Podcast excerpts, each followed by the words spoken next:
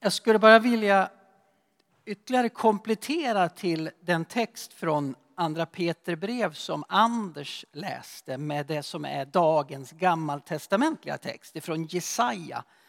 Det 65 kapitlet, 65, vad säger man? Ja. Så här står det. Nu skapar jag en ny himmel och en ny jord. Det som varit ska man inte mer minnas, inte längre tänka på. Nej, gläd er och jubla för evigt över det som jag skapar. Jag skapar om Jerusalem till jubel och dess folk till glädje. Jag ska jubla över Jerusalem och glädjas över mitt folk.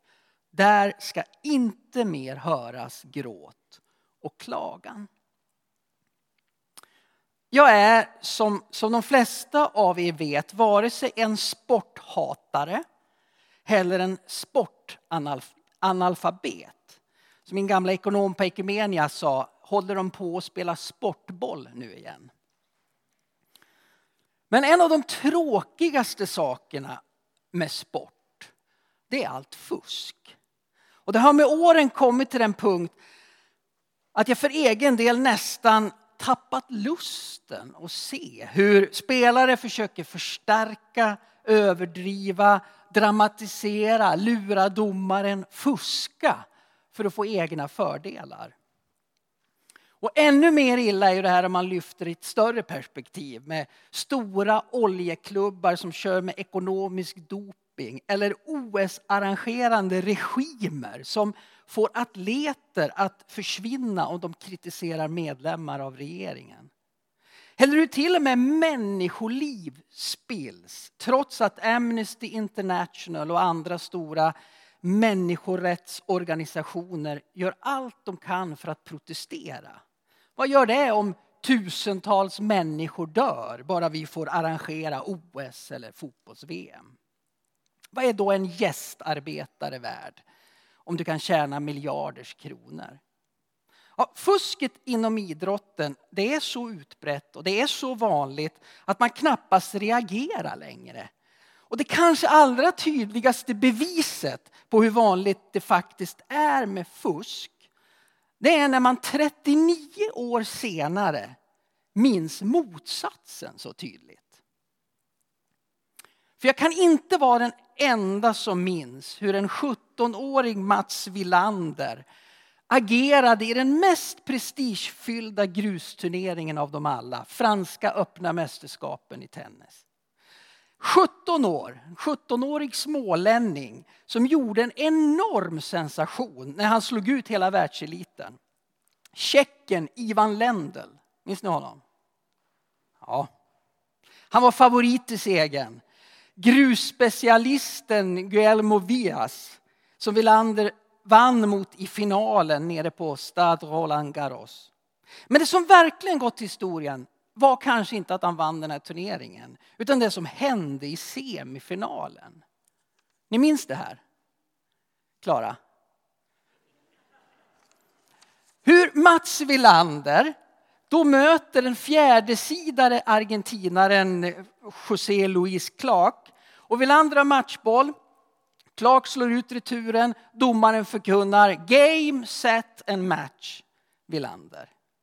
Domslutet det hade fallit. Matchen den är över. Villander har gått till en sensationell final. Och det är då det händer. Och det som det fortfarande 39 år senare talas om. Googla bara Mats Villander och Franska öppna ska du få se. För argentinaren han anser att när den här bollen som domaren dömde ut, den är inte alls ute, den var ju inne. Och han protesterar mot domslutet och då gör Mats Wilander det som kanske mer än några segrar faktiskt har tagit honom till idrottshistorien. Han går mot punkten där bollen faktiskt landade. Han pekar och så protesterar han också mot domslutet och menar att den här bollen den måste spelas om. Då säger domaren, poängen spelas om på herr Wilanders begäran. Och han säger det här och publiken på eh, Roland Garros, de, de fullständigt blir extat. De jublar. Och den häpna publiken, men också den samlade världspressen, de visste inte till sig av glädje och förvåning. Expressens då utsände tennisreporter Lennart Eriksson, han skriver Mats möttes med applåder när han anlände till den, till den till bristningsgränsen fullsatta presskonferenslokalen efter, efter matchen. Och journalisternas beundran den avtog ju inte när smålänningen själv sa så här. Jag kunde ha tagit matchen och lämnat centerkorten efter första domslutet men det hade varit emot mitt samvete. Det hade tagit bort glädjen över segern. Ja, Mats Wilander han hade visat prov på ett äkta sportmanship som ingen trodde var möjlig längre för 39 år sedan redan. I den franska eh, sporttidningen Le Quip så skrev krönikören så här, jag tycker det är ett härligt citat. Vilken glädje att se en ängel under den där ogenomträngliga rustningen. En ängel. Och sen vinner ju Mats Wilander den här turneringen. Då gör han det givetvis på självaste Björn Borgs födelsedag. Som också sammanfaller med svenska flaggans dag den 6 juni. Så det blev ett riktigt, riktigt sagoslut. Och så vinner Mats Wilander eh, Svenska Dagbladets bragdguld. Och då finns hans uppträdande med i motiveringen. Han får bragdguldet för sin sensationella segerrad i de franska öppna mästerskapen och visat sportmanship. Och man blir ju varm i hjärtat så här 39 år senare. Det finns ett högst tilldragande i det här med rättvisa. I fair play, med goda hjältar, med korrekta domslut. Och domsöndagen finns så här precis i slutet av vårt kyrkoår. För att påminna oss om att det är inte slut. Det är inte över. Hoppet är inte ute. Fusk, orättfärdighet, oljemiljoner och korruption är inte allt vi har.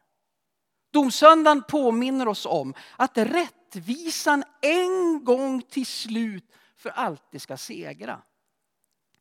Och så, som vi såg i den här texten från Jesaja så började det redan i gamla testamentet att spira ett hopp.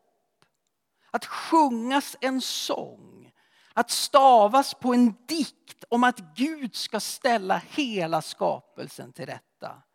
Och det som spirar i gamla testamentet det blommar fullt ut i nya testamentet.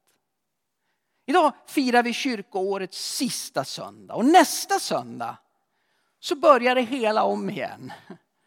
Med första söndagen i advent. Kyrkoåret som börjar med advent slutar med domsöndag.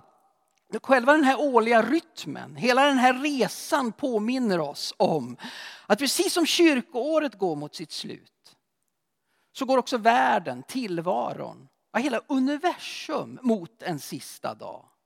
Den dag som ibland kallas för domens dag. Och som Anders sa så är texterna och temat för den här söndagen Kristi återkomst. Och I alla tider så har kyrkan talat om och trott på Kristi återkomst. Men det är kanske bättre egentligen att säga att en gång så ska Kristus bli synlig igen. Snarare än att han ska komma tillbaka.